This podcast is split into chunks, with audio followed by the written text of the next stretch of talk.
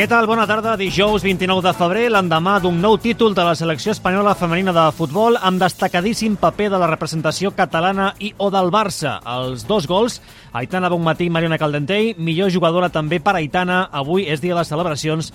De seguida us ho expliquem. Aquest últim dia del mes coneixerem també el segon finalista de la Copa del Rei, Atlètic Atlético a Sant Mamés, un duel que mirarà amb molt interès al Barça. L'Atlètic és el seu propi rival aquest diumenge. Tenim un interessantíssim Magdeburg-Barça a la Champions d'handbol i demà torna a l'Eurolliga després de l'aturada per les copes nacionals i les seleccions. Demà al Palau Barça-Mónaco. Abans, avui, l'Uni Girona es vol classificar per les semifinals de l'Eurocup. Anem ja amb tot plegat, amb la salutació des de les vies de so de l'Adriana Yacai, amb José Gil a la realització i Pere Serrano a la producció. Us parla David Figueira.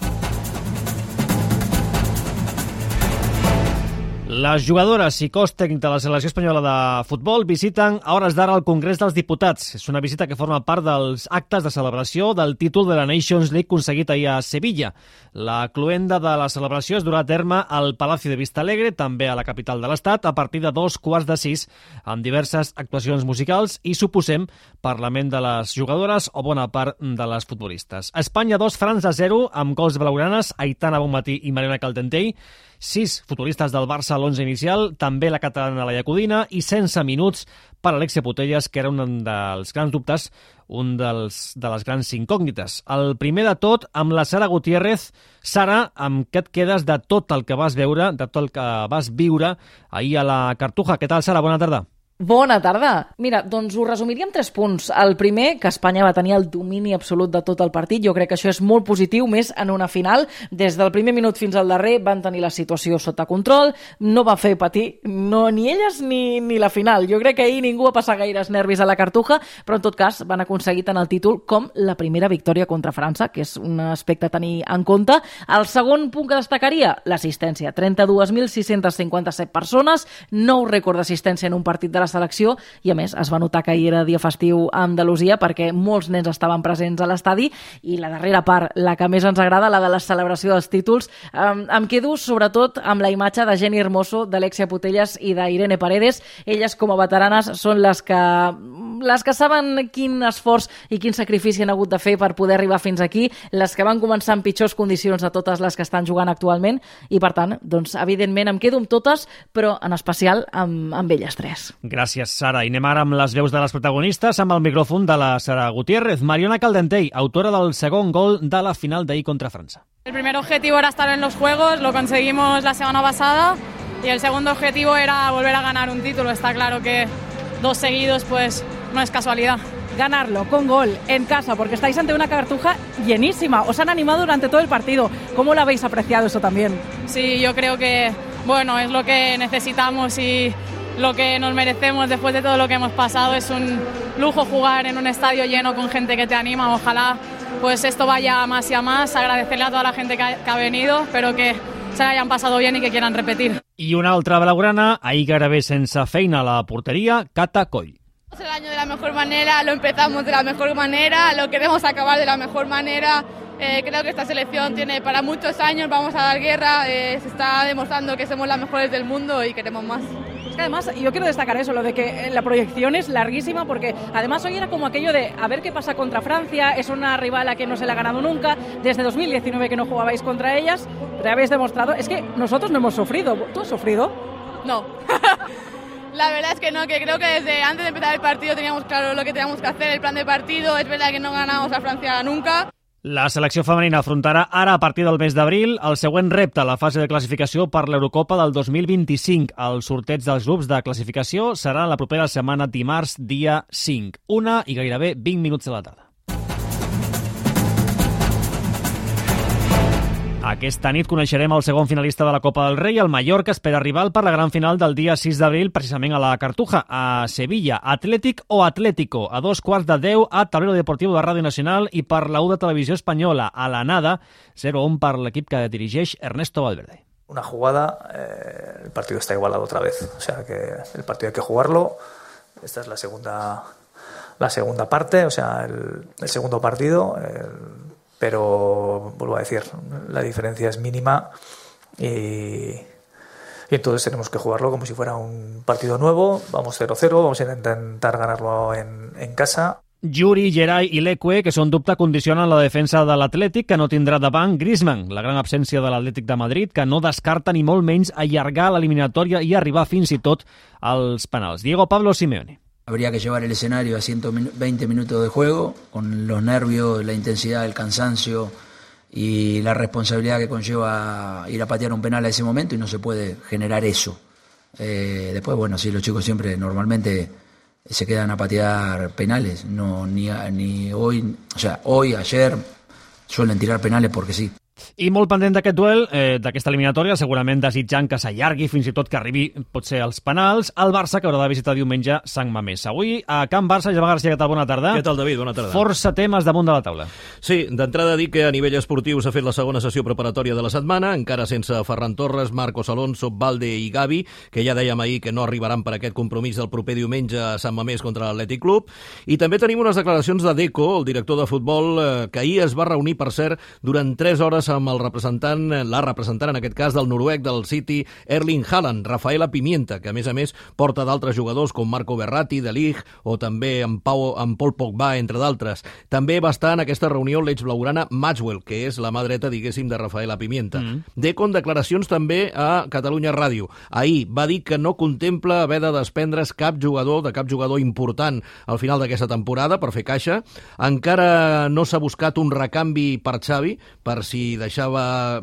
Però sí que va deixar clar que qui vingui haurà de tenir, eh, doncs, diguéssim, eh, a l'ADN Barça, respectar la filosofia de futbol del Barça, i anem a escoltar de, de com aquesta reflexió que fa quan se li pregunta si escoltaria en Xavi que has de canviar d'opinió, de replantejar-se la situació i dir al final de temporada, si és que s'aconsegueix alguna cosa important, mm -hmm. que continua al capdavant. Això contestava Deco. No, no diría que no podemos plantear, porque primero no tenemos nada contra Xavi, no hemos sido el club ni dirección deportiva que ha tomado ninguna decisión, no planteamos porque esta posibilidad de, no, no hay, no, no, entonces es que hablar de algo que, toda, que, no, que de momento no existe. Ahora, si esta posibilidad pasa a existir y discutiremos en el momento. Y cuando yo eh, digo que no eh, estamos hablando del entrenador, es que no estamos tomando ninguna decisión sobre el entrenador porque uh -huh. creo que es pronto porque hay mucha cosa por delante. Més coses, ahir una reunió de la Junta Directiva en la que es van tractar dos temes destacats. Uh -huh. Per una banda, la possibilitat de canviar de patrocinador de roba esportiva. Recordem que hi ha la seva tirantó amb Nike, que és l'actual patrocinador.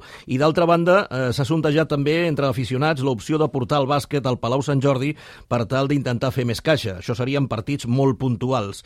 També han conegut avui els àrbitres àrbitres que dirigiran a l'Atlètic Club Barça del proper diumenge a Sant Mamés. L'àrbitre principal serà el canari Alejandro Hernández Hernández i tindrem en el bar a Carlos del Cerro Grande, el col·legiat madrileny. I un últim apunt perquè el rival del Barça en Champions, el Nàpols, sí. ahir va golejar 6 gols a 1 a domicili al Sassuolo amb 3 gols de Víctor Osimen, 2 de Carasquelia i un altre de Rahmani. Per tant, doncs, bé farà el Barça d'anar una miqueta en compte de cara al partit del proper dia 12 a Montjuïc. Aviam com arriba el Nàpols i com arriba el Barça. Gràcies, Germà, bona tarda. Bona tarda. I a Girona, Josep Guardiola, què tal? Bona tarda.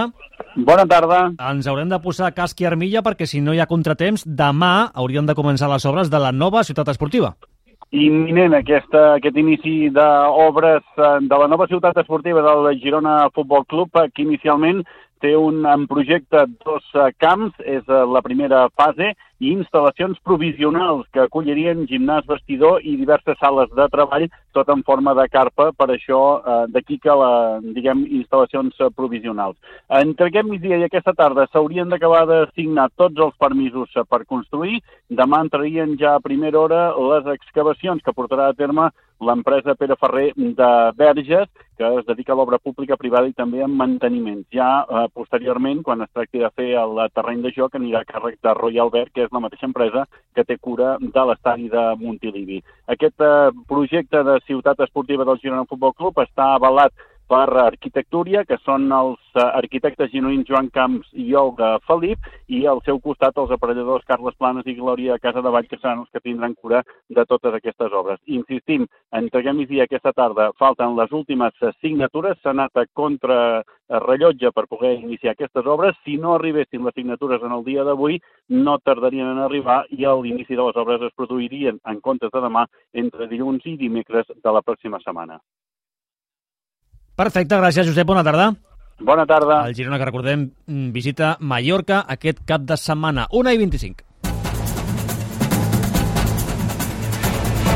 Moment per obrir la plana poliesportiva i per parlar d'handbol. Josep Capell, què tal? Bona tarda. Bona tarda. Avui Magdeburg-Barça, els de Carlos Ortega visiten el vigent campió de la competició amb la primera posició del grup en joc. Sí, sense cap mena de dubte, un dels millors partits que es pot veure avui dia a Europa i com, i com tu deies, amb la primera posició en joc. De fet, el Barça ja està matemàticament classificat pels cos de final. L'objectiu és aquest, és passar primer. Eh, per fer-ho necessita eh, com a mínim un empat. En tot cas, fins i tot perdent de 12 gols, de menys menys de 12 gols dependria de si mateix de cara a la darrera jornada, perquè aquesta és la penúltima. Llavors necessitaria una victòria al Palau davant del Montpellier. Però l'objectiu del Barça, evidentment, és sentenciar-ho ja en el dia d'avui i aconseguir ja no només un empat, sinó fins i tot una victòria, perquè a més a més tenen comptes pendents amb el Magdeburg. Així de clar ho explicava l'extrem net eslové Blas Young.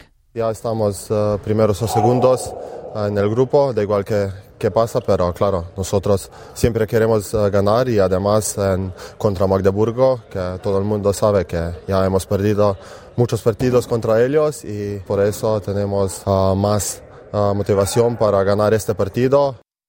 Compte amb el Magdeburg, que va perdre els dos primers partits d'aquesta fase de grups, un d'ells precisament al Palau i de Pallissa de 12 gols, però en porten 10 de consecutius guanyant.